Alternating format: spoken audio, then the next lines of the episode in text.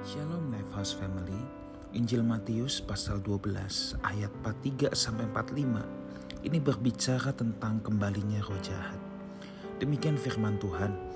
Apabila roh jahat keluar dari manusia, ia pun mengembara ke tempat-tempat yang tandus mencari perhentian, tetapi ia tidak mendapatnya.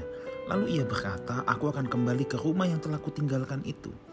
Maka pergilah ia dan mendapati rumah itu kosong, bersih tersapu dan rapi teratur.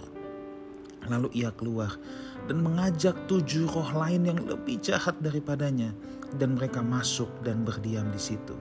Maka akhirnya keadaan orang itu lebih buruk daripada keadaannya semula.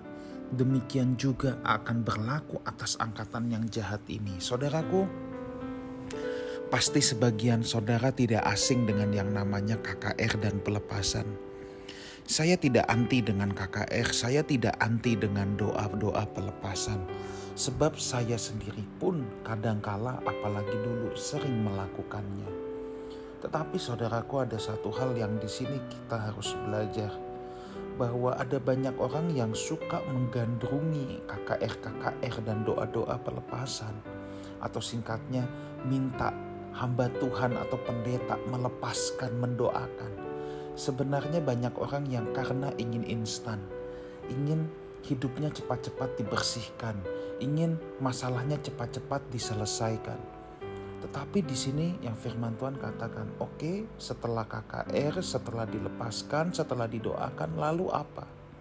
Rumah itu memang bisa bersih teratur, tapi kalau nggak diisi saudara, justru roh-roh jahat itu akan kembali mengajak tujuh roh jahat lainnya dan Alkitab katakan keadaannya akan lebih buruk daripada yang semula.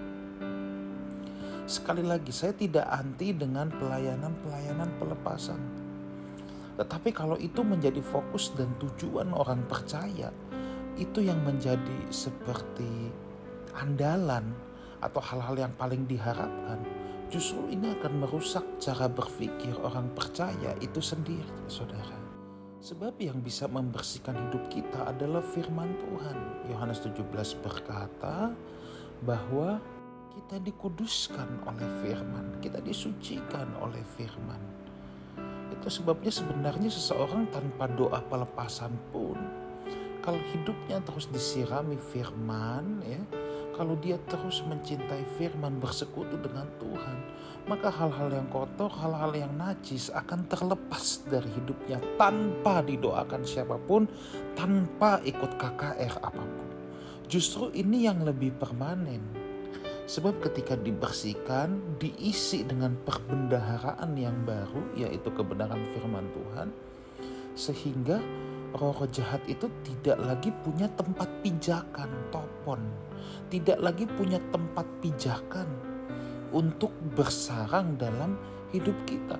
Tapi kalau kita hanya didoakan, dianggap udah ya, lepas selesai, tapi kita tidak pernah mengisi perbendaharaan rumah kehidupan kita dengan perbendaharaan yang baru yaitu kebenaran firman Tuhan maka ketika roh jahat itu kembali mengajak tujuh roh jahat lainnya, mereka punya tempat pijakan yang sangat luas.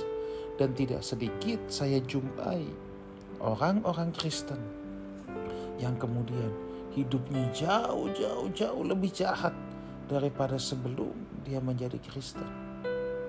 Dan orang-orang Kristen yang tidak mau belajar bersekutu dengan Tuhan sendiri, kerap kali mengandalkan pendeta, kerap kali mengandalkan pendoa-pendoa syafaat dan lain sebagainya, kita bisa buktikan betapa rapuhnya kehidupan mereka. Sebab mereka sejatinya tidak pernah mengisi rumah kehidupannya sendiri. Rumah kehidupan kita tidak bisa diisi oleh siapa pun kecuali Tuhan sendiri.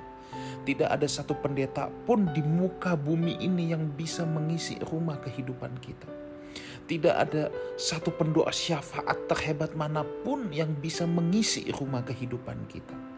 Yang bisa mengisi rumah kehidupan kita adalah ketika kita sendiri membiarkan roh Tuhan, roh kudus dan firmannya untuk memenuhinya. Itulah sebabnya saya berdoa, Lifehouse Family, jadilah dewasa, isilah rumah kehidupan kita sendiri. Sebab ketika rumah kehidupan kita dipenuhi oleh roh kudus dan firmannya, maka iblis tidak punya lagi tempat pijakan di atasnya. Tuhan Yesus menyertai kita semua. Haleluya.